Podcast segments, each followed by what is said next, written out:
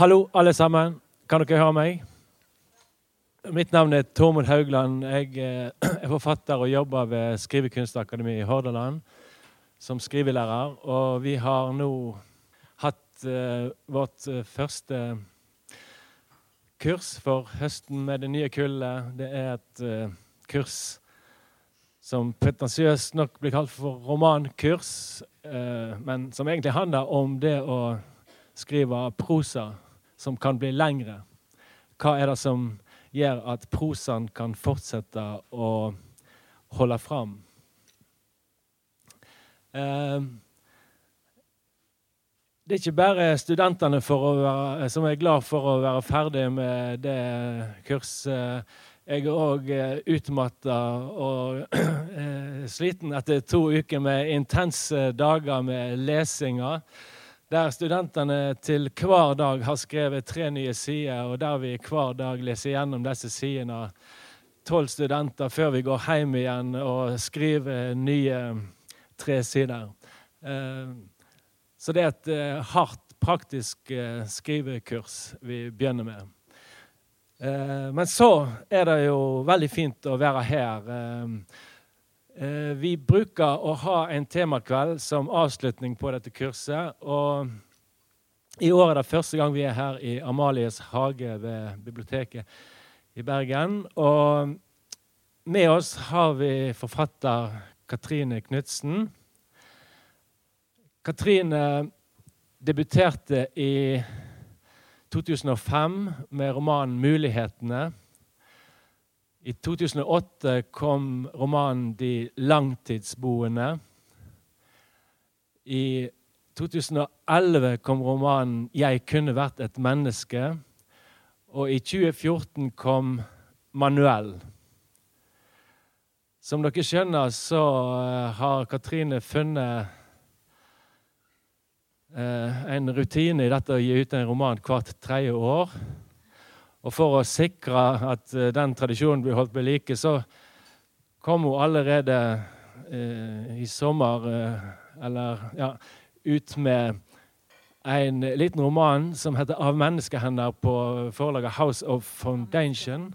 Av menneskehånd, unnskyld. ja. Ehm, men Katrine jobber òg med en litt mer omfattende roman, kan vi kanskje si, som etter alt sannsynligvis Vi får se. Vi skal ikke si noe sikkert, men kommer seinere på høsten. Uh, hjertelig velkommen til alle dere, og først og fremst hjertelig velkommen til deg, Katrine. Uh, jeg gir ordet til Katrine, som skal holde et innlegg nå på halvtime, tre kvarter. Så skal vi ha en liten samtale etter det. Så vær så god, Katrine. Takk, Tormod. Tormod det er jo um, Jeg vet ikke om jeg skal begynne på begynnelsen eller slutten her. Men er som, uh, som Tormod sier, da, det er jo sånn uh, blitt Kanskje jeg sjøl tror at jeg må gi ut den romanen hvert tredje år. At jeg dermed tror at jeg må gi ut den romanen nå i høst. Den som da eh, ja, kanskje skulle vært ferdig, men ikke er ferdig. Og som jeg, da, som jeg og Tormod skal snakke om etterpå. Da, hvor jeg bare har sendt han de første 50 sidene. og resten turte jeg ikke sende. Så jeg føler meg nærmest også som en sånn deltaker i en slags sånn skrivekurs da, når jeg har sendt det til han og på sånn litt uferdig, litt uferdig stoff. Men jeg har også til, um, når man prøver å se inn i sitt eget forfatterskap, så blir det jo sånn uh, at man ser det på helt forskjellig måte hver gang. For nå tenkte jeg skulle snakke litt uh, ikke bare om den siste romanen. da. Uh, for den greier jeg ikke å se sånn veldig klart ennå sjøl. Jeg skal prøve, jeg kan se litt bedre det jeg har holdt på med uh, tidligere. Men jeg, kan si at jeg, mm, jeg våkna en natt, da, og da måtte jeg plutselig skrive ned Da, da sto det for meg en del ting som jeg bare måtte si nå i dag. Plutselig så, så jeg der for meg at liksom, egentlig alt jeg har skrevet før, da, det handler jo egentlig om å, om å, bli fremmed for seg selv, tenkte jeg da. Det handler om å bli borte mens man lever. Om å egentlig aldri greie å, å samle seg som person. Eller, eller er det bare personbegrepet og liksom dette, dette, menneskebegrepet som er litt feilaktig? At vi tror altså vi, vi, slites mellom det at vi bare er sånn forbigående. Da. En sånn forbigående eksistens i veldig i konstant bevegelse. At det strider mot at vi bare er et uh, eksempel på liv. Da. Som mine romanpersoner veldig mye uh, sliter med. Med å prøve å egentlig uh, se, se, seg selv og andre mennesker som det, det, skifter mellom et slags kaldt perspektiv og bare se, se det utenfra. Liksom sånn kognitivt. Eh, se det store, hvordan mennesker liksom bare passerer forbi. At bare er sånn midlertidige eh, slags beholdere. Da. Det er jo ikke slik det burde være. Og ofte så ser disse personene i bøkene mine at ja, det er jo ikke sånn det er ikke sånn andre har det. Det er ikke sånn andre ser seg selv og andre. De, de, de ser ikke bare dette Dette som egentlig bare er en eneste bevegelse og aldri er noe. Da. Bare er en sånn midlertidig samling som, som, hele tiden forflytter seg og hele tiden gjør at man er ugjenkjennelig for seg sjøl. Romanen er jo også en sånn eh, Jeg ser også romanene som en måte å prøve å sant, fange noe som bare er noe forbigående. Det er en sånn midlertidig oppbevaring av noe som egentlig er veldig flyktig. Og så kan man liksom raskt gripe inn og skrive ned noe av dette her. Da, og få til en, en oppbevaring av noe som Hvis man som forfatter går tilbake og leser Sånn som når jeg går, Hvis jeg skal satte meg for noen dager siden og, og begynte å lese litt i, på begynnelsen av denne mulighetene, første boka mi, så Jøss, yes, er, er, det jeg som har skrevet dette her? Jøss, yes, det, det, var veldig overraskende da jeg begynte å lese. Så tenkte jeg jøss, yes, det er jo en slags sånn en sånn glede ved beskrivelsen her som jeg ikke kunne huske at jeg hadde. Det er en slags Jeg går liksom inn i en situasjon som jeg ikke lenger veit. Jeg veit at her er det en del eh, biografiske um, elementer, men eh, når jeg leser det, så jeg veit ikke lenger hva som er hva. Nå greier jeg å lese det som jeg bare ser ok, det er, det er faktisk, det er en lettelse for meg da, å lese det og se at det er et fungerende narrativ her. Det er faktisk noe Det er litteratur jo, eh, som jeg har skrevet en gang. Og det, jeg, jeg, aner ikke lenger hva som egentlig var meg her, og, og hva som eh, bare er funnet på. Så når man skriver sånn, så da er jeg ferdig med det. Da Da er det ute av livet mitt, ute av litteraturen. Men det vender jo tilbake igjen. Sånn selve, mye av grunnstoffet vender tilbake igjen da, i bok etter bok på litt forskjellige måter.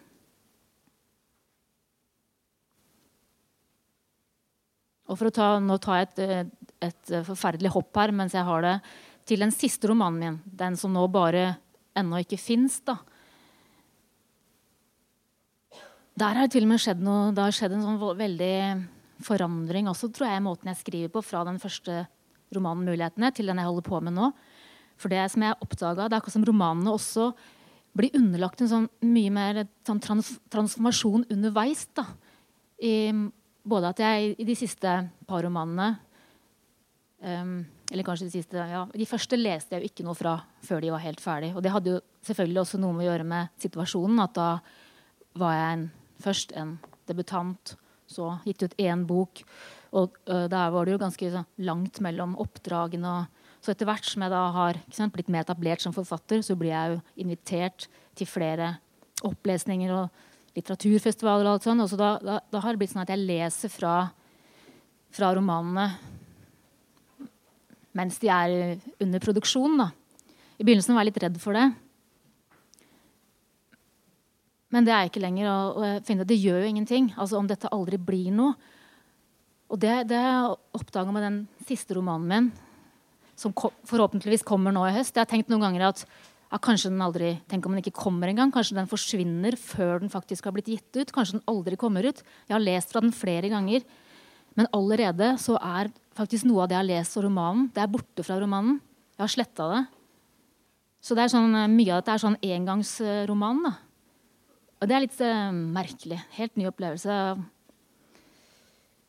Så kanskje denne romanen uh, Jeg har av og til sånn mareritt om at den siste romanen her, den, den kommer bare til å fortsette sånn. Da.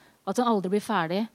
Jeg bare finner et sted jeg leser fra, utvider det, og så skriver jeg videre på romanen. Og så bare forsvinner det, for det passer ikke inn lenger. Og så, og så, så sånn har jeg oppdaga at prosessen går liksom fortere og fortere da, med, gjennom disse romanene. At de blir til eh, Så jeg vet ikke om det er meg, eller om det er bare at jeg bare er et produkt av um, vilkårene vi lever under. At det er sånn det er for oss nå. da. At jeg, ingenting egentlig kan eksistere noe særlig lenge i verden før det bare går over i noe annet. Og at den, den rytmen, takten, går mye fortere.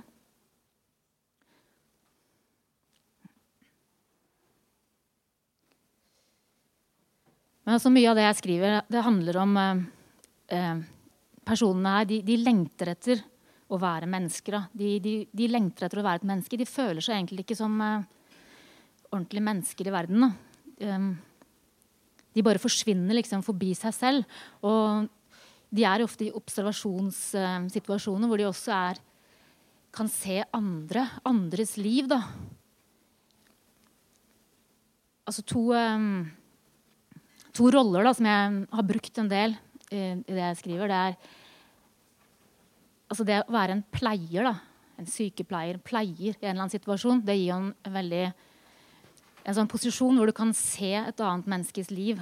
Du kan komme inn eh, på et tidspunkt i andre menneskers liv hvor du selv er tilsynelatende litt sånn ubevegelig, men du er jo egentlig på opptur i livet. Kanskje ganske ung egentlig, men du, du, opplever det selv, altså du er i en stillstand og ikke er i noe sånn rask bevegelse i livet, så kan du komme innpå mennesker som har sykdommer, som er i en, eh, en ekstrem situasjon i livet. Så kan man da se dette. da, Se liksom andre menneskers liv i en sånn slags fortfilm i en periode. Og bruke dette. Og kunstneren og pleieren de er på en måte to egentlig helt forskjellige roller. Egentlig sånn slags konkurrerende roller da, i, i verden. Men allikevel er det mye av det samme. De er på en måte kikkere inn i andre menneskers liv.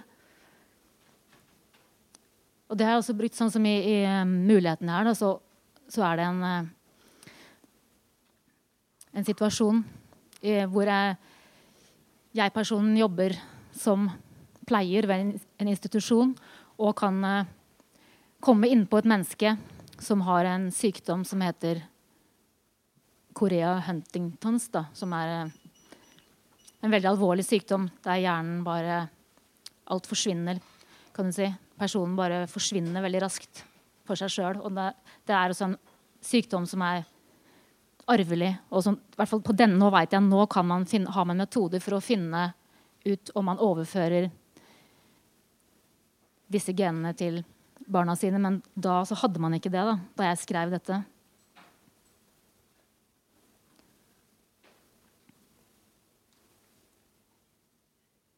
Så da kunne jeg bruke den, den sykdommen som en sånn måte å egentlig da, utforske si, oppløsningen av mennesket, både for seg selv og andre. Da.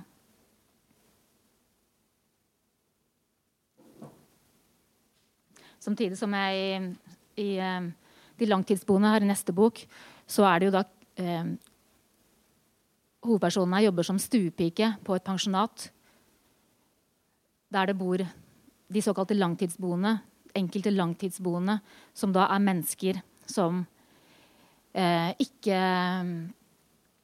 kan bo andre steder, som på en måte er utenfor, eh, har blitt presset ut, ikke kan bo på vanlig måte og er til en slags midlertidig oppbevaring da, på dette pensjonatet.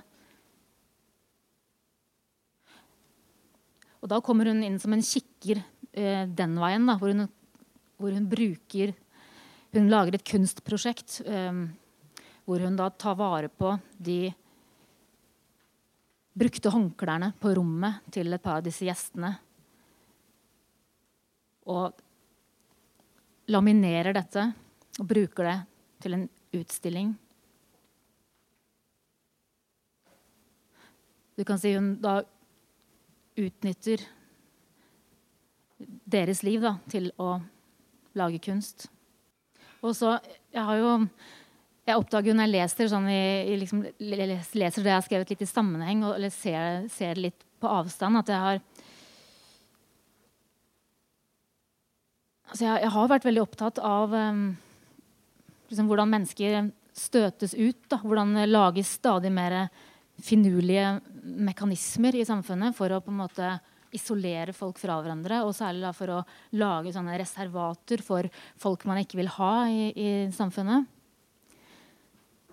Og dette gjøres jo egentlig med, med liksom større og større finesse, da, syns jeg nå. Eh, fra jeg begynte å skrive. Og jeg ser liksom jeg har stadig vendt tilbake til dette liksom kunstferdige som lages ved siden av samfunnet for å oppbevare, men også utestenge folk som man ikke vil ha der.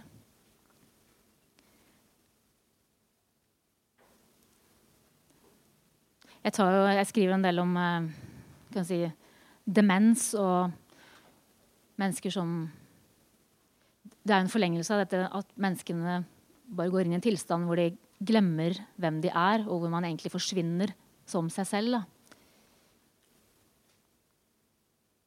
Og jeg, jeg har um, skrevet også en del om diagnoser. Hvordan, hvordan folk i vårt samfunn um, Mange søker tilflukt i, um, i det å få en diagnose.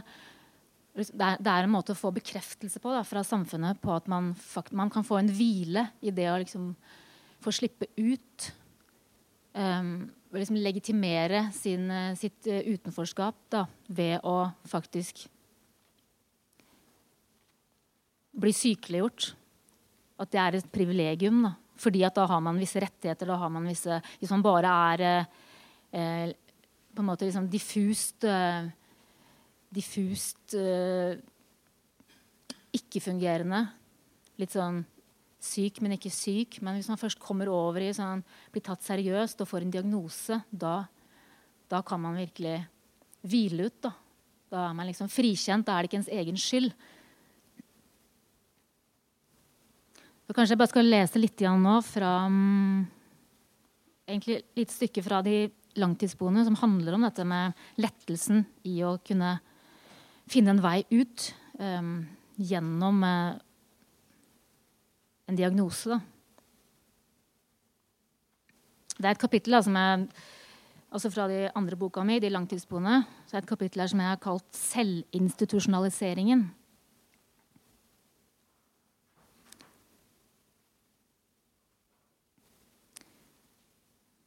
Jeg er nesten sikker på å få en diagnose denne gangen. Endelig skal jeg få hvile ut i diagnosen. Dette er både slutten og begynnelsen. Gjenfødelsen. Når jeg blir utskrevet herfra, vil alle vurdere meg med et nytt blikk. Jeg blir ny for dem. Behandlere vil alltid ta utgangspunkt i diagnosen. Ikke stille så mange ubehagelige spørsmål. Ikke mistenkeliggjøre meg. De vil prøve å legge alt best mulig til rette for meg ut fra det de vet om diagnosen. Det de kan lese seg til ut fra papirene mine. Papirene mine som jeg kommer til å stå med i hånda når jeg tar taxi vekk herfra, vil være gull verdt. De blir som papirer for innreise i et annet land. Visumet mitt til en ny og bedre tilværelse. Når jeg først er innenfor, har jeg alle mulighetene diagnosen gir meg. Jeg kan aldri havne utenfor på samme måte. Diagnosen vil alltid gi meg noe. Det vet jeg. Den kan ikke ses vekk fra. Selvfølgelig kan den etter hvert erstattes av en annen diagnose. Men det blir som å bytte fra ett bilmerke til et annet. Bytte inn den gamle bilen, flytte fra ett hus til et annet. Bytte en enebolig i en leilighet eller hytte. Den kan ikke tas vekk uten å erstattes med noe annet. Jeg blir ikke stående på bar bakke.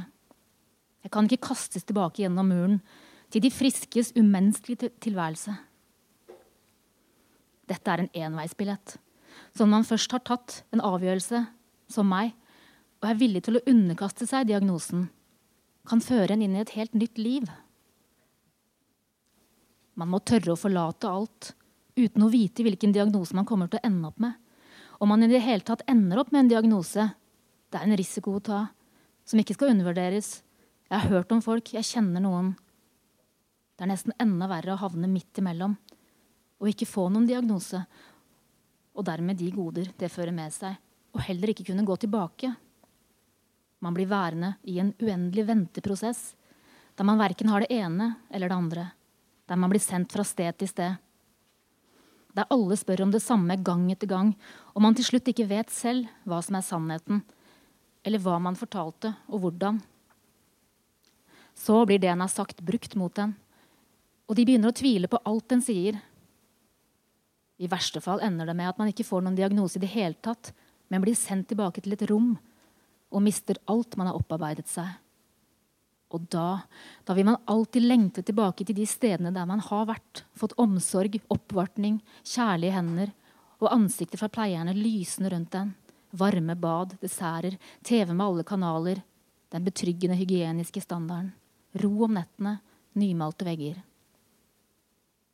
Og det man kommer tilbake til da, som før var til å holde ut, er da ikke til å holde ut lenger. Samtidig som noe har forandret seg. For selv om man ikke har fått noen diagnose, har det negative ved alle diagnosene som har vært oppe til vurdering, på en eller annen måte festet seg ved en allikevel. Mens forståelsen og sympatien fra folk, fra behandlere og andre, mangler. De behandler en som en ikke-frisk uten å gi noe tilbake. Og sånn er det, Jeg ser nå ikke sant, Mye fra forfatterskapet mitt handler jo nettopp om som jeg nevnte, finurlig utestengelse. At samfunnet som jeg nevnte, blir dyktigere og dyktigere på det. Ved å opprette sånne soner for utenforskap. Og mye av det tilrettelagte, artifisielle livet som på alle nivåer. Det er, jeg har skrevet i den Blant annet i den siste den nesten eksisterende romanen min, at, har jeg skrevet om eh, en demenslandsby da, som er oppretta liksom, et sted jeg ser for meg. Som, som fins i andre land. Og, som jeg har kalt for, eh, for Viljen. Hvor da man samler folk til en Man bygger opp en, helt, eh, en etterligning av verden. Da. Nesten etter eh, sånn litt som sånn fornøyelsesparker. Eh, bare at som, som den virkelige verden. Så de som bor der, først og fremst demente, de skal da tro at de faktisk bor i en virkelig verden. Det skal holdes skjult for dem da, at de er utestengt. At de ikke lenger får være i den virkelige verden. Fordi at begrunnelsen som blir brukt, er at det er for vanskelig for dem. Altså, man, de kan ikke lenger uh, man vil, man vil skåne dem da, for vanskelighetene ved å være i den virkelige verden. Så derfor, så, for at de skal få mindre motstand og få et bedre liv, så lager man en narreverden. Så som jeg også tidligere i, i, i boka, den foreløpig siste eh, lange romanen, da, 'Manuel', har skrevet om bl.a. denne omsorgs... Eh, selen paro. ikke sant? Man lager etterligninger som skal på en måte eh, stille uro og gjøre i øyeblikket livet ut, utholdelig for mennesker. Mens man da holder det skjult for dem at de faktisk ikke lenger lever i verden. Eller ikke Så lenge det bare dekker behovene for at de tror de er omgitt av det samme det viktigste er bare egentlig å holde folk Så ikke de blir for urolige da, over den faktiske verden, hvor nå den er hen. Er tvert kan man lure på hvem er egentlig Hvor er vi hen, da? Er, vi, hvor er, vi, eh, er det egentlig noen vi? Eh, er vi alle innelukka i sånne oppretta reservater og kunstige verdener overalt?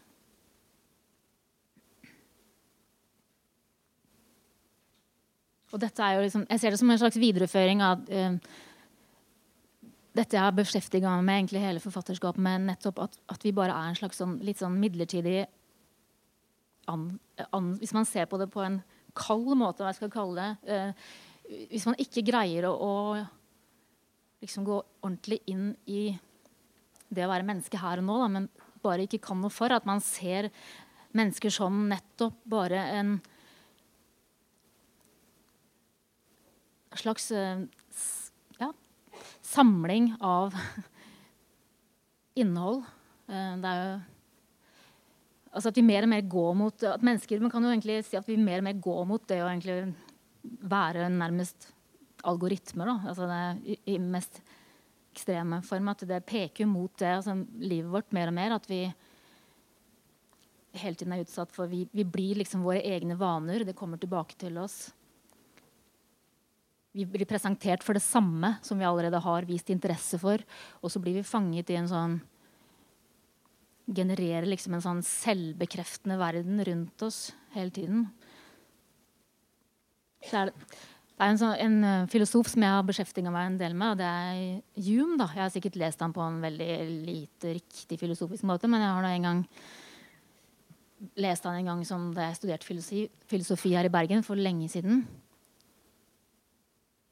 Så jeg, jeg har brukt han i mm, minst én bok og skrevet et essay om han. og og liksom hvordan han ser på mennesket som, som nærmest bare ikke sant, sånn tabula rasa, som bare egentlig er ingenting, og bare fylles opp av inntrykk som etter hvert da bare tas fram i den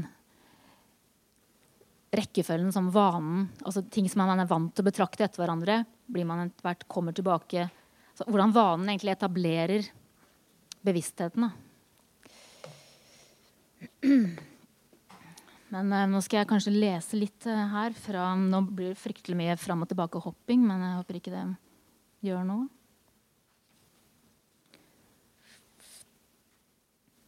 Men jeg kan si dette, denne lengselen etter fellesskap da, den er jo ikke noe mindre nå enn da jeg begynte å skrive. Og dette med nettopp sykdom og, og diagnoser og alt dette. Altså, en av de bøkene som, da, som jeg leste for lenge siden nå, men som gjorde veldig inntrykk på meg, var nettopp da eh, Thomas Mann og Trolldomsfjellet. Og liksom, hvordan man litterært sett kan bruke det så, sykdom da, som en litterær eh, drivkraft. Så nå har jeg lyst til å bare egentlig En boka som heter 'Jeg kunne vært et menneske', som er tredje boka mi.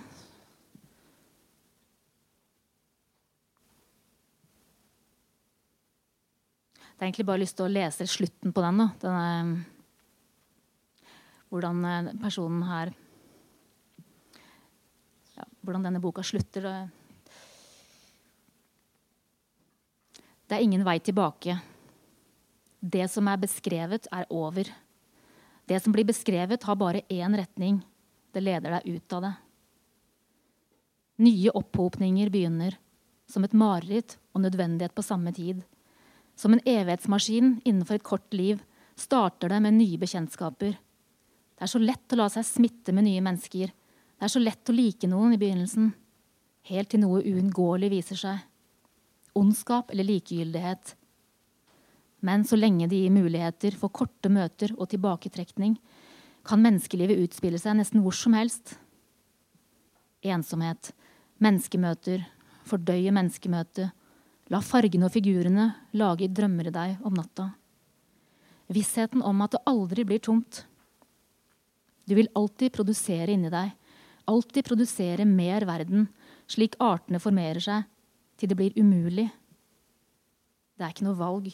Du er i alt du har vært. Ganske raskt vil forstanden din omdanne det som først slår deg som skremmende, til noe riktig, til noe som alltid har vært sånn. Burde blitt sånn, ikke kunne blitt annerledes. Og slik blir jeg skrevet ut av denne boka.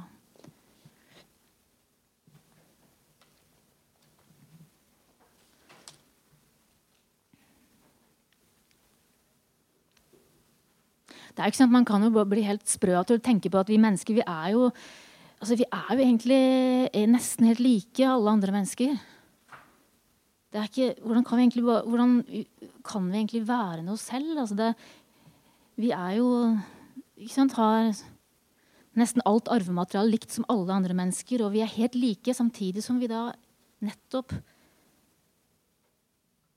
ikke kan tenke sånn, da. Vi kan jo ikke tenke sånn. ikke sant? Det er dette liksom med varme og, og kulde og kjærlighet, og hvordan noen faktisk helt, helt, naturlig er å produsere en masse varme og kjærlighet, og hvordan andre mennesker ikke greier det. da, Som jeg også har, har, Det har mye med hvordan et menneske blir til og vokser opp, og hva man har rundt seg. Så i, Jeg har skrevet en del i, den, i den, um, de langtidsboende der begrepet bonitet eh, Den boka holdt jeg på å kalle bonitet. Det er et sånt begrep fra, som har med trær å gjøre. Da. Det betyr godhet. Det betyr jordas godhet. Det, det, er på en måte alt. Det er voksestedet, egentlig, som har alt å si. Da. Akkurat det samme treet blir et helt annet hvis det blir planta i, i god jord jord som er, ikke er vassjuk. Og alt det har å si med plasseringen innbyrdes i bestandene. Det er akkurat det samme treet. Og man kan, man kan uh, måle ved å ta en sånn drill inn gjennom stammen på treet. Da. Så kan man telle årringene på treet. Så kan man se tre som ser, som, som, man, som ser skralt og lite og tynt ut. Og, altså, det kan være like gammelt da, som et stort, flott, uh, frodig tre. Men det tynne skrantende treet har bare havna på, på, feil sted da, og derfor ikke hatt sjans. Så Forskjellen mellom mennesker og trær er at man, med trærne så kan man faktisk måle det med en helt bestemt Man kan komme med et tall da, og si bonitetsklasse sånn, sånn, sånn. Da veit man med en gang. Med mennesker så er det litt vanskeligere. Helt umulig. Men han prøver jo hele tiden det også. Men nå skal jeg bare og litt Nei, Manuel, da, den forrige boka mi.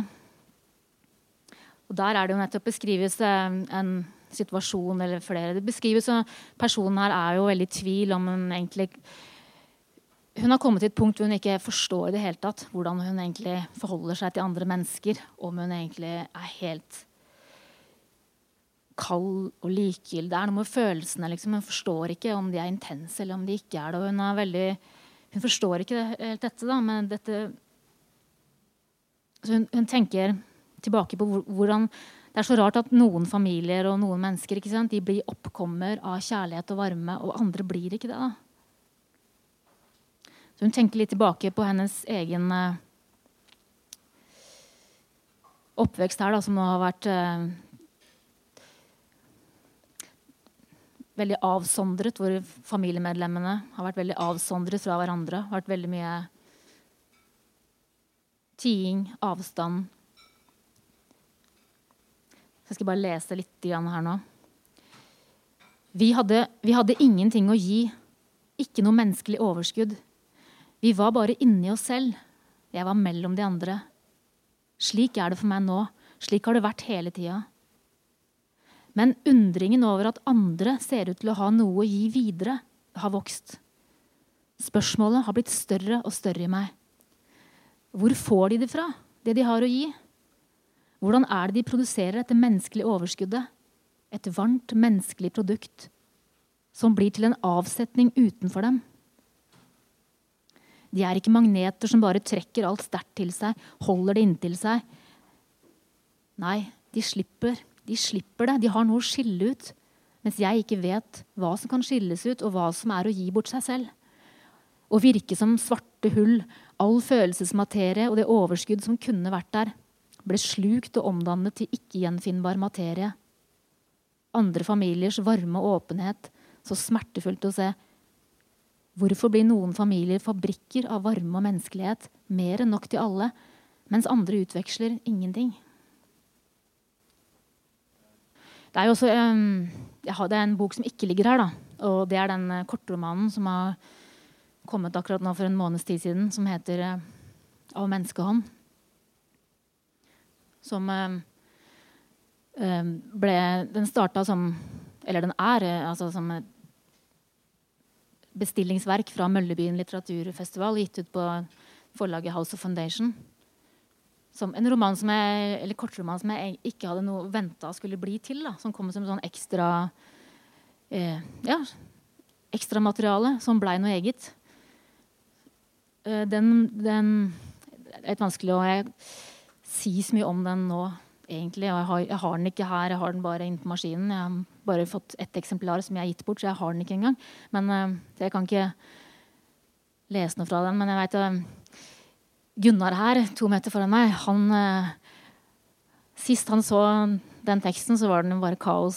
Så jeg håper den har blitt litt bedre etter det. jeg har fått to fantastiske lange konsulentuttalelser fra Gunnar i den uh, sammenhengen, da, som hjalp meg veldig med å, med å, få den til å komme ut og bli noe. Da. Så. Og det er nettopp den tittelen. Jeg, jeg, jeg, skal love å ikke ha en eneste tittel med 'menneske' videre nå. For nå har jeg kanskje brukt opp det. Så liksom det 'Av menneskehånd', som den heter, da, det er jo en tittel som nettopp betyr det motsatte. på en måte. Da. Av menneskehånd er jo noe som da er artifisielt. Det er et annet uh, begrep egentlig for det som er fra, vekk fra mennesket. Som er, det er. Så jeg syns det er sånn jeg synes, Ja, jeg var ganske fornøyd med den tittelen. Fordi at den da sier har mennesket i seg, samtidig som den er liksom det motsatte. Den er, det artifisielle. Det som mennesket har lagt igjen vekk fra seg. Som er produsert av mennesket. Og det har jeg også håper jeg er um, ja, en del av det i den boka. Um,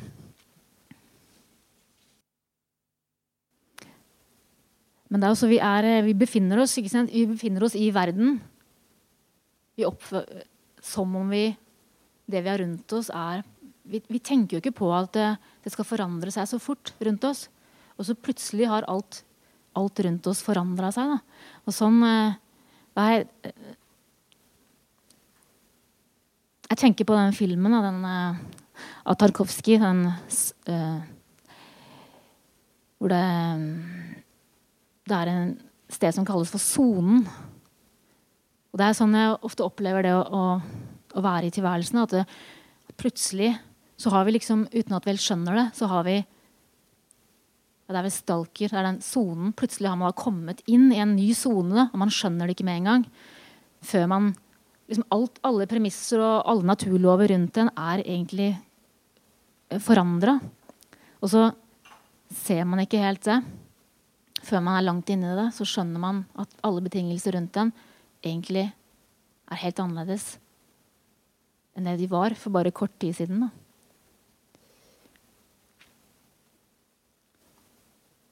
Skal bare lese et lite avsnitt eh, der før jeg leser. Så nå, jeg, nå beveger jeg meg inn i denne romanen, som nesten ikke fins. Som som har en arbeidstittel som jeg ikke engang vil røpe. Så ikke dere skal huske den, for den kommer sikkert til å få en annen tittel.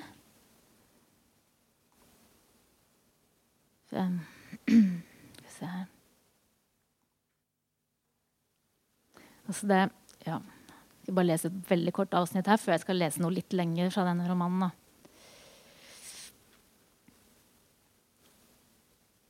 Sonen i Tarkovskijs film 'Stalker' Da jeg så den som 20-åring, ble jeg trollbundet.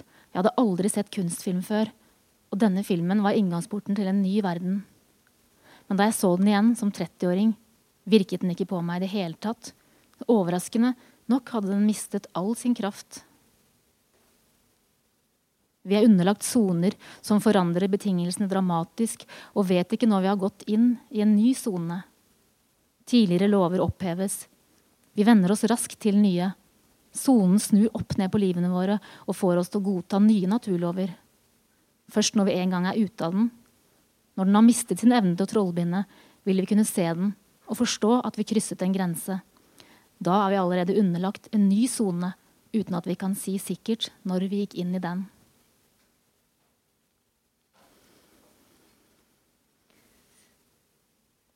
Og med det så tar jeg da overgangen over i å lese noe som inngang til samtalen vår, da, så leser jeg da et, eh, et parti fra denne romanen som Det er ikke Tormod har jo også akkurat gitt ut en bok som heter om syn og dyr. Nei, om dyr og syn. Nei, er det dyr og syn, ikke sant? Ja. Han har skrevet en del om dyr, og jeg har også skrevet en del om dyr her, da. Så eh, passer jo Vi har snakka litt om dyr også i, i matpausen matpausene de siste par dagene. Så Så jeg skal lese um, litt, um, litt om dyr her. Mens uh, Tormod har skrevet mest om kyr, eller hovedsakelig om kyr, så har jeg holdt meg til geiter. Det er det jeg kjenner best. da. Men altså, dette er jo ikke meg, selvfølgelig. Dette er jo noen inne i romanen. Men jeg har brukt litt av min, min, min tilegnet uh, kunnskap og observasjon fra geiter. Det var første gang en av geitene fikk jurbetennelse, og vi oppdaget det for seint. Mikael fyrte av det ene skuddet bak låven. Da var det ikke jeg som holdt mens han skjøt. Han fikk en nabo til å hjelpe seg. Geita ble lagt i en søppelsekk og dratt inn i en krok i låven. Lå der skjult under et teppe i påvente av destrueringsbilen. Den har en fast rute som strekker seg over hele fylket og kjører forbi en gang i uka. Svinger oppom gårder som har bestilt den. Plukker med seg dyr som bonden har funnet døde eller som har blitt avlivet. Alle slags kadaver blir blandet oppi konteineren. Det eneste de har felles, er at de ikke kan brukes til kjøtt. Det tok fem dager før bilen kom. Geita lå der. Jeg syntes synd på kjeet, men jeg matet dem med flaske, og det gikk bra. Den begynte raskt å se på meg som moren sin. Hun fulgte etter meg og mekret fortvilet når jeg forsvant ut av syne. En dag ble døra stående på gløtt fra fjøset og ut mot låven. Den fikk være løs og dilte etter meg mens jeg gjorde forskjellig arbeid der inne. Og den smatt etter meg. Teppehaugen med den døde moren i søppelsekken der borte i hjørnet. Nå sto den bare noen meter fra moren sin. Det var noe som skar i hjertet ved å se den vesle killingen resolutt nærme seg teppebulen. Den ville bort dit. Før jeg fikk stoppet den, var den i sprang bort dit. Det var et mørkere parti på betongen ved der kadaveret lå. Fuktighet, avrenning av kadaversaft fra kroppen. Den må ha kjent lukta av moren. Og det var den trygge lukta, men blandet med noe som var helt galt. Jeg tenkte at det ville være forferdelig å se den klatre på haugen som var moren, som jeg ventet at den kom til å gjøre. Men den bråstoppet, sto helt stiv og skalv i kroppen, før den brått snudde og løp. Den var rystet av noe uforklarlig som hadde skremt vettet av den, moren og ikke-moren samtidig. Skjea hadde ikke mor i flokken og var derfor ensom der, selv om den var heldig og var fysisk sterk, slik at den senere hevdet seg og ikke kom nederst på rangstigen. Men den var alene i flokken. Den lå for seg selv, den ropte på meg og kom med en klagelyd hver gang jeg forsvant. Etter hvert fikk den innpass hos en av geitene som ble fratatt begge sine killinger. Da så jeg hvordan hun gradvis ble tatt under denne geitas beskyttelse som en erstatning for hennes egne som var borte. Men hun ville alltid noe med meg som hun ikke forsto, også etter at hun ble voksen. Hun søkte noe ved meg som hun ikke forsto selv, men det var et savn. Der jeg hadde blitt satt inn en gang og beholdt plassen som lengselens og savnets uklare objekt, selv etter at hun hadde fått en tilknytning. En rastløs traving rundt meg når jeg dukket opp. Hun søkte kontakt, men uten å roe seg når jeg tok på henne. For de er ikke sånn. De er ikke kjæledyr som finner ro og nytelse i klapping og stryking. Tvert imot kan de føle stress ved det. I beste fall finner de seg i det. Bilen fra Norsk Protein kom, svingte inn på tunet, rygget mot låven. Sjåføren var vennlig. Den er her borte, sa jeg. Der er voksen geit. Han rygget den digre bilen litt nærmere, Gikk inn og løftet plastsekken, bar den bort og la den foran bilen. Det ene hornet hadde laget en revne i sekken og stakk ut. Sjåføren sto med kontrollboksen i hånda og styrte metallkloa ned. Den låste seg rundt kroppen i sekken. Så begynte den rykkvise ferden opp. Den ble heist opp til over toppen av bilen. Svingte rundt noen ganger i kjettingen, svevet over bilen, med den blå himmelen som bakgrunn. Der oppe hadde det allerede åpnet seg en luke. Sjåføren justerte metallarmen litt fram og tilbake før den fikk riktig posisjon, og kloa åpnet seg og slapp dyret nedi. Destrueringsbilen skiller ikke mellom noen dyr eller arter. Alle er like bra for den. Alle blandes oppi konteineren. De er protein. Det er umulig å se for seg synet av det som er oppi den lukkede tanken. Og det blir heller aldri sortert. Ingen vil vite at det ikke er ei vanlig geit som ble sluppet oppi. Dette er nemlig ikke ei vanlig geit, det er ei edderkoppgeit. Lasterommet på kadaverbilen er helt uten distinksjoner. Den er bare ute etter proteiner og bindemiddel. Full av en masse av individer, men ikke distinkt liv. I bilens beholder betyr ikke arten noe mer. Hva som er hva, er ikke viktig. Det er entropi. Så raskt føres det levende vesenet over i entropien. Det korte og uvirkelige øyeblikket der den henger og dingler der oppe mot den blå himmelen, brytes. Den slippes og er i fritt fall. Bare noen dager fra morslikken, kraftfôret, det varme fjøset, den tørre halmen. Med de nyklipte klauvene rett i døden. Bortkastet arbeid. Navnet sitt, identitetsmerka plast, skåret ut sammen med en bit av øret. Og rett oppi råstoffet med seg. Teppet ligger igjen på betonggulvet. Skjulestedet har ikke mer å skjule. Bare litt mørk fuktighet på betongen, som snart blir lysegrå igjen. Takk for et, eh, et fint en fin gjennomgang av eh, romanene dine og litt omkring tenkninga. Eh, tenker jeg. Eh, veldig sånn behagelig tempo, syns jeg. Og veldig sånn reflekterende og eh, prøvende, på en måte. Men samtidig så er det jo eh, veldig mye interessant stoff, da, vil jeg si. Eh, kanskje jeg kan begynne med å spørre deg om uh, dette med sjangeren, roman. Uh, du var inne på det, den første mulighetene.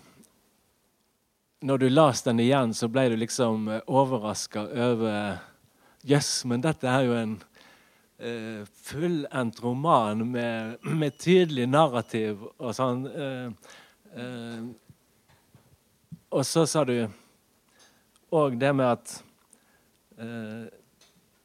at, at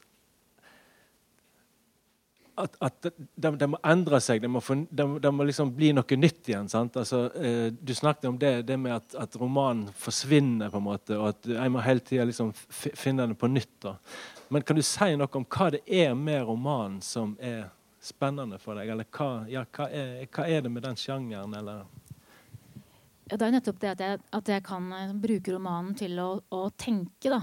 Til å prøve å konsentrere tankene og som tenke fram ting gjennom språket eh, som jeg ikke hadde greid å gjøre tror jeg, utenom romanen. Fordi at eh, når man skriver Det blir jo alltid bare et lite utsnitt. Og man kan jo bare skrive liksom setning etter den neste, og sånn videre og så videre. Sånn at man blir nødt til å da man, Det kan på en måte synes vilkårlig der man begynner, men da blir det allikevel en, en gyldig vei gjennom en eller annen altså, Det er akkurat som når jeg kunne snakka nå jeg, jeg, kunne, jeg, tenker, jeg kunne jo snakka om det jeg har skrevet på 189 måter. Det er mange veldig, jeg kunne virkelig valgt et annet spor, og jeg kunne Og sånn er det jo at du velger deg Når du bare tenker og snakker, så, så det, det blir jo man er nødt til å tenke med en annen konsekvens da når man eh, skriver. Så det er det jeg liker ved at uh, ved jeg skriver. Da blir det noe som faktisk blir stående der. Og sånn, og at man At romanen gir den friheten da, til å kunne tenke i skrivinga. Ja, for jeg tenker på det med, med den første boka og det, det, det narrativet. Uh, når, når, jeg leser all, alle bøkene, når jeg tenker på dem, så så er det en slags sånn rørsle mot eh, Kanskje en sånn eh, frigjøring av eh, et tydelig narrativ. Altså bøkene dine blir For meg er bøkene dine alltid uforutsigbare. Eh, selv om du kanskje innleder med noe eh, som kan gi hint om, om et forløp, så, så, så kan du òg liksom plutselig havne opp i noe helt annet. Eh, det virker som du har en veldig sånn avslappa holdning til liksom hvor romanen skal. Ja, og det er jo litt på Jeg skulle jo av og til ønske at jeg kanskje Altså, det er jo ikke skal jeg, si, jeg, jeg beundrer ofte folk som greier å skrive sånn helt sånn stringent og helt uh, reint, på en måte. Og så, sånn som uh, Ja. Uh, man kan jo Romanen kan jo også sant, skjule men Den kan opp, ta opp i seg mye urenhet på en måte. Og det er også noe som jeg, det er noe som jeg faktisk irriterer meg litt over noen ganger. Jeg, hvis det er én ting jeg reagerer på når jeg leser tidligere bøker, at jeg av og til syns at jeg har uh, brukt litt for mye sånn doblinger i setninger og sånn. Det, det kan ikke gjøres noe med i ettertid. At jeg har sagt ting sånn istedenfor å si det én gang, så har jeg sagt det flere ganger. Det har irritert meg litt. Ja, du sa jo blant annet det at uh, grunnstoffet går igjen i, fra bok til bok. Altså det er et grunnstoff der. Um, jeg syns det er også interessant det du snakket om bonitet, som er jo et vanlig du, du, nevnte det i forhold til det med tred, altså vekstgrunnlag, og så sammenligna det med, med mennesket og um, Og det er jo En kunne jo altså, Menneskene er egentlig like, sant? men uh, det er vanskelig å måle boniteten på dem. Uh, og litteraturen sant, er jo òg egentlig ganske lik, da, uh, men det er likevel litt uh, ulik bonitet der òg. Uh, ja. ja jeg, si, jeg, irriterer meg ikke over at jeg, at, at jeg har vendt tilbake til stoffet. Altså. Nå tenkte jeg litt mer på sånn språklig setningsnivå. egentlig, At jeg av og til har irritert meg litt over at jeg, at jeg syns jeg har gjentatt ting i setninger sånn, uh, som jeg ikke så da jeg skrev det. Jeg kunne liksom valgt én måte å si det på. og så har jeg alltid liksom, ja, Det er en liten detalj, men uh, det er sånn at jeg har prøvd å være presis, men ofte ved å prøve å presisere så blir det jo mer uklart. da, så det... Mm men, men, men, det med grønnstoffet jeg tenker det, det handler jo om eh, eh, noe som har med deg å gjøre, eh, som kommer igjen. Altså denne her eh, opptattheten av mennesker i randsona. Og eh, du, du snakker i foredraget om utenforskap og hvordan samfunnet hele tida lager regler og sånn for å plassere folk. og ja, eh, Eh, kan, kan, du si noe om grunnstoffet? Altså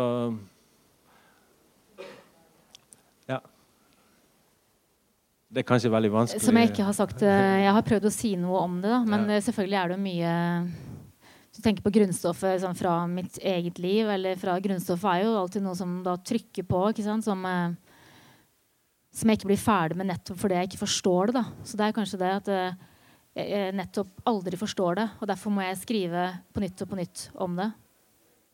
Men du ville ha sånn mer konkret? Om, Nei, eh, jeg, jeg, skal prøve å si, jeg, skal prøve å vinkle det litt annerledes. Mm. Altså, I dag har vi et begrep som heter virkelighetslitteratur i, i, i Norge. Og, uh, og vi tenker at det, det, er et nytt begrep, men, men det med også, å bruke virkeligheten er jo overhodet ikke nytt. Det vet vi jo alle.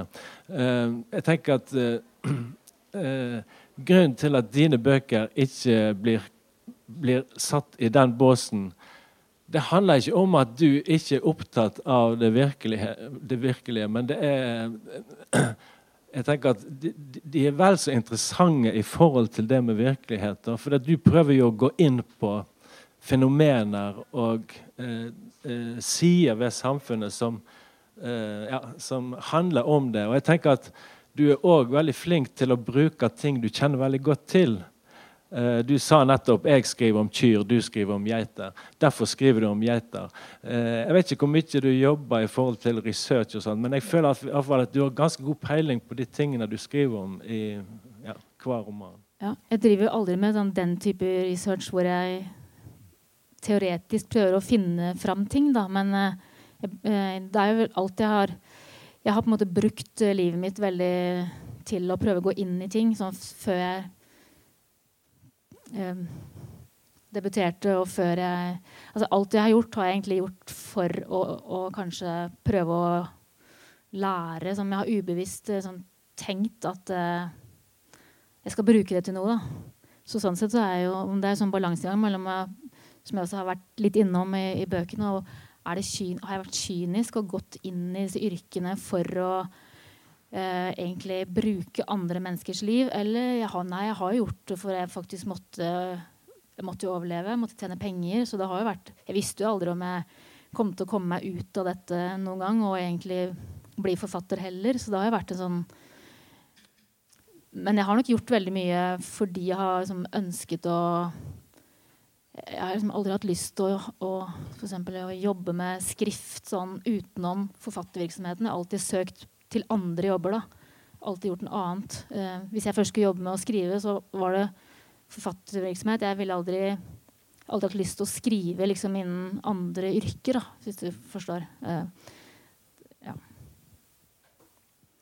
Men jeg har jo selvfølgelig også brukt veldig Det er jo veldig mye fra mitt eget liv her. Jeg har, som uh, jeg har brukt uh, en forhold til faren min veldig mye. Jeg har brukt veldig mye fra meg sjøl. Altså for de som kjenner meg, så vil det jo være vil jo selvfølgelig lese mye av dette annerledes, men jeg har nok også blanda det med mye sånn at det, vir det framstår ikke som sånn veldig direkte selvbiografisk eh, alltid, da.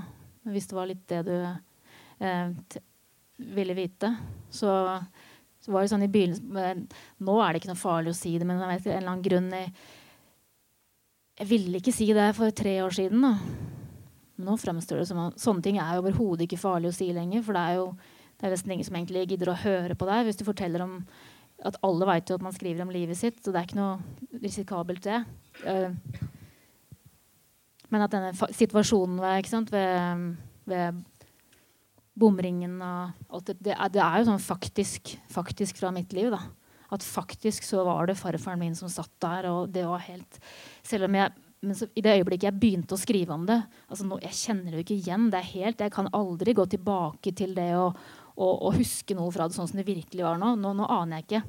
Nå er dette skrevet ned.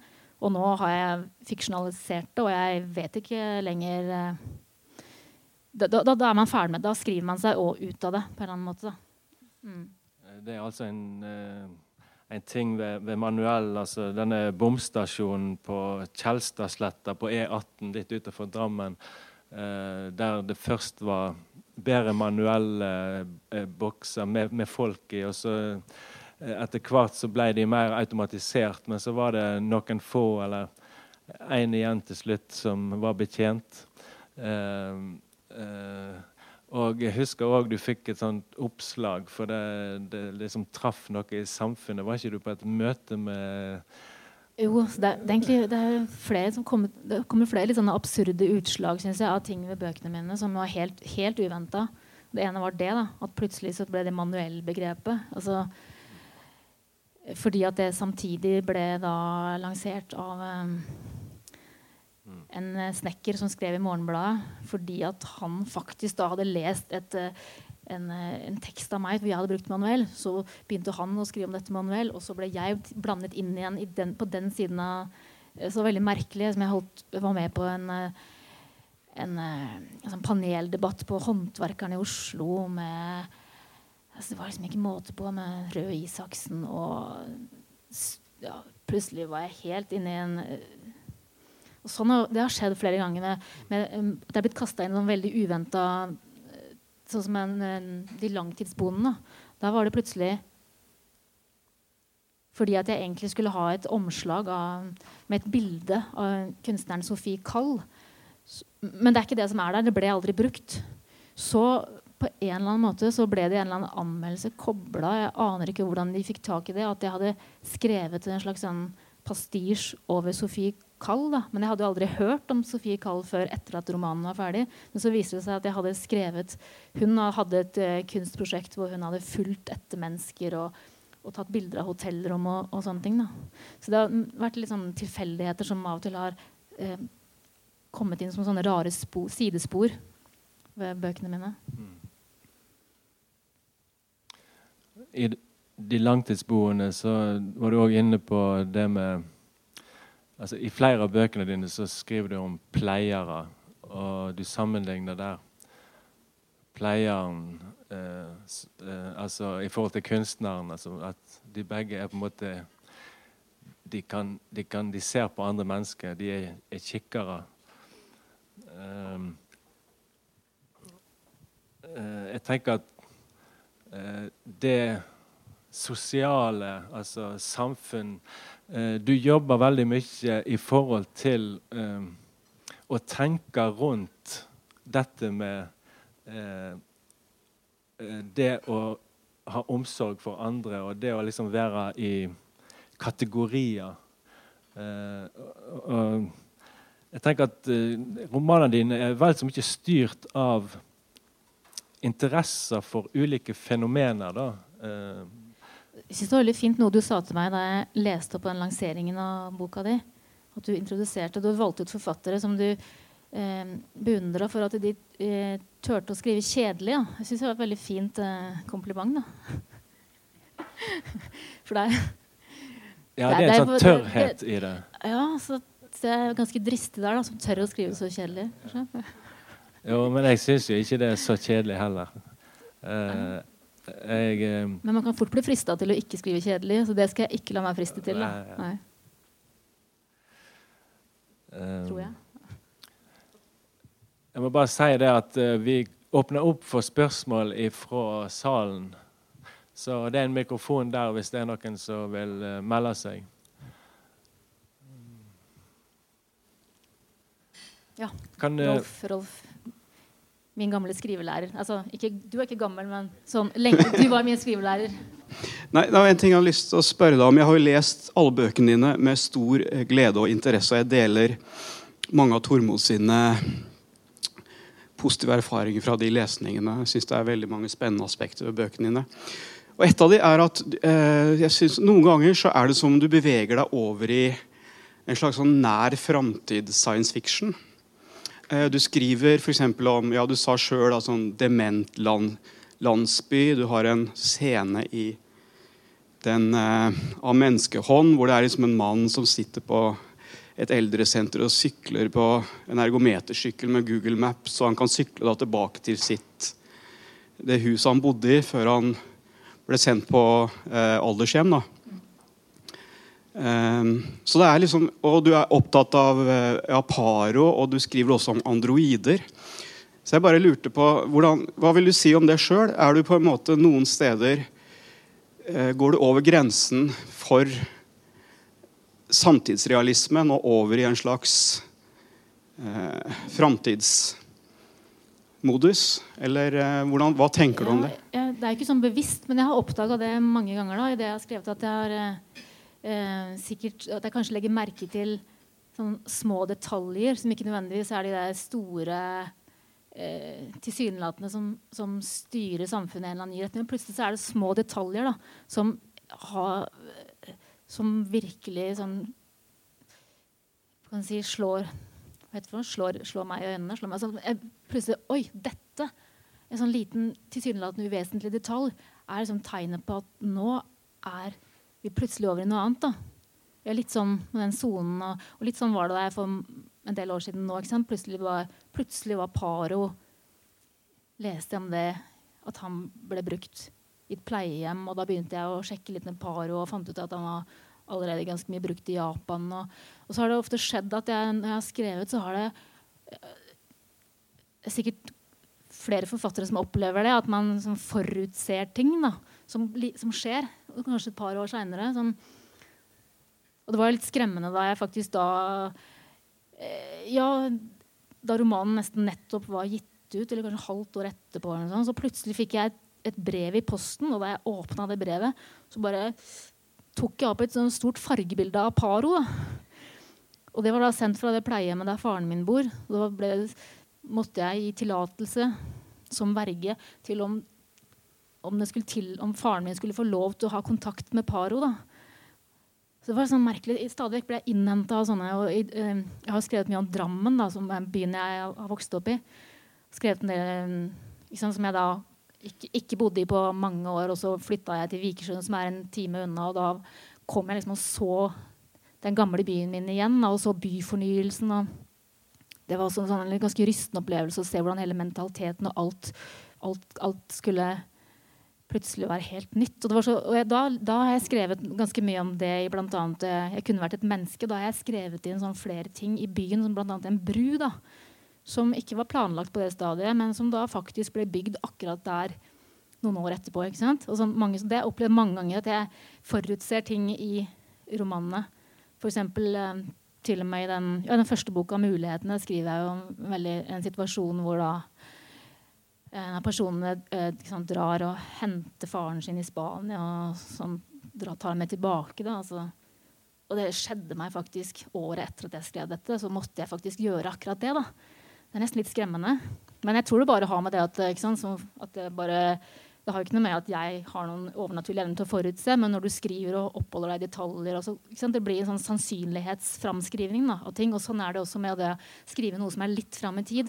Du bare bruker enkelte, eller Jeg bare bruker enkelte elementer som jeg da ser som en slags sånn eh, frampek i samfunnet mot en, litt, en ny tid, og så bare logisk går inn på det, så skal det ikke så mye til før du får en eh, forskyvning av alt.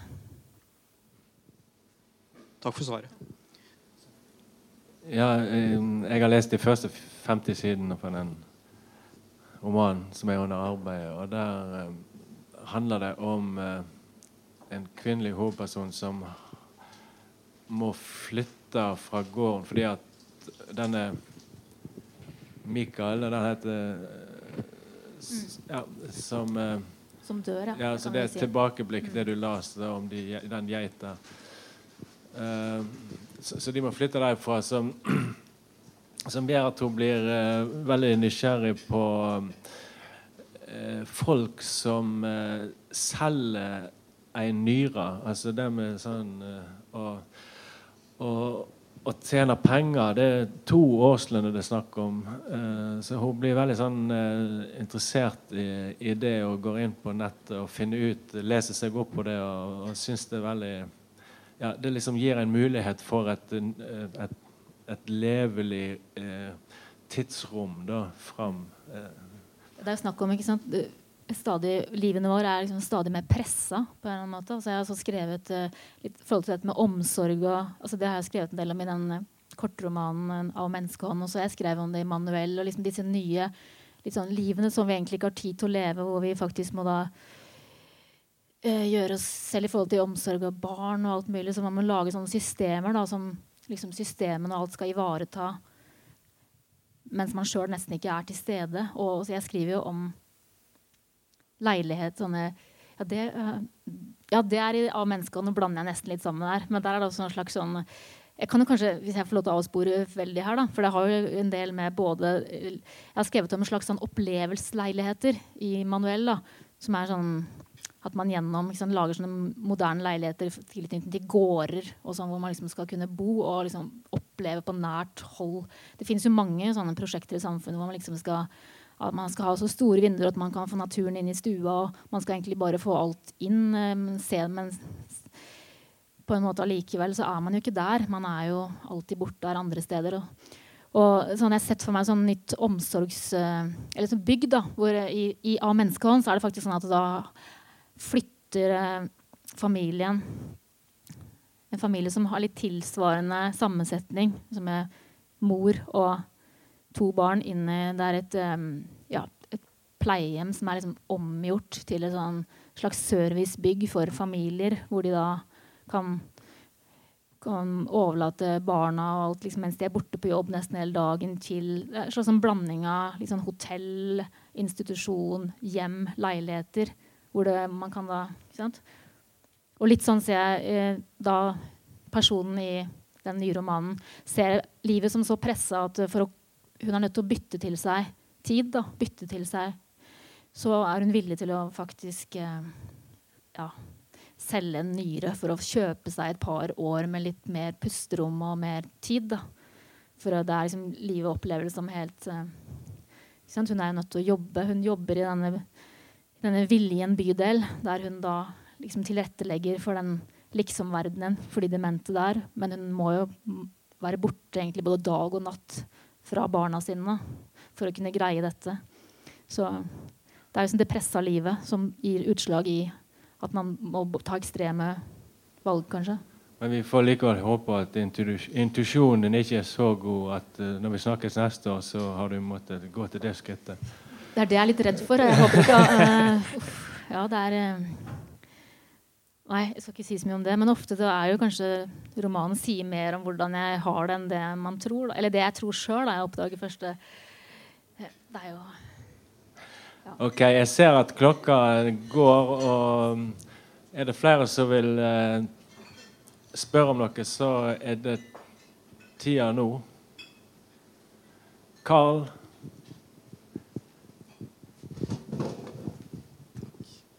Ja. Du sa jo til oss i går at det, det, tok litt tid før du debuterte etter at du gikk på Skrivekunstakademiet. Eh, så også når du først gjorde det, så har du skrevet en bok hvert tredje år. Så jeg bare lurer på om det var eh, noe som løsnet for deg, eller hva du eh, fant ja. som gjorde det mulig. Ja, det som er merkelig, er at egentlig alle, alle bøkene mine har jeg faktisk gitt ut etter at jeg egentlig fikk et mye mer sånn jeg fikk et strukturert liv. Eh, fikk barn og alt mulig. Det, da trodde jeg i hvert fall ikke jeg skulle greie å skrive. Men det var først da jeg egentlig greide å få så orden på livet mitt at jeg greide å få skrevet ordentlig. og få liksom, ja, Så jeg veit ikke om det kom av at jeg bare måtte gjennom noen år hvor uh, Jeg kanskje måtte eh, bare greie å skrive litt mer fritt, tror jeg også. Det hadde litt med det å gjøre. Jeg var, da jeg gikk på, på, på Skrivekunstakademiet, var jeg nok litt uh, bundet opp. Det kan være at jeg ikke hadde kommet langt nok før det. Altså, jeg har alltid vært litt sånn uh, seint utvikla. jeg, jeg er jo ikke sånn som dere 20-åringer eller noen 20-åringer som sitter og har masse Jeg tror jeg måtte bare tok litt tid da, før jeg egentlig greide å, å skrive som jeg ville. kanskje. Jeg har ikke noe sånn godt svar på det, Men jeg, jeg, husker at jeg da hadde en veldig sånn, fast idé om at kanskje de idealene som gjorde seg rådende, uh, gjeldende på den tida, eller som var rådende, var nettopp sant, var på 90-tallet. Det var en sånn knapp novellistisk form. Og jeg var veldig opphengt i den. da, At jeg skulle skrive sånn. Og at jeg var veldig streng med det jeg skrev, og sletta mye mer enn det som faktisk ble stående, og holdt på sånn. Så jeg har ikke noe klart svar på hva det kom av. Men det kan hende også at det kom at jeg fikk mer sånn orden på livet mitt. At det merkelig nok gjorde at jeg, selv om jeg egentlig hadde mindre tid, så fikk jeg allikevel mer strukturert tid. da.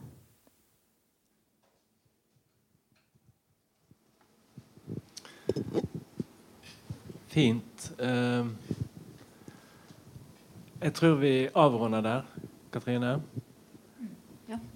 Uh, så uh, da vil jeg bare takke alle som kom. Og tusen takk til Katrine for et fint innlegg og en fin prat.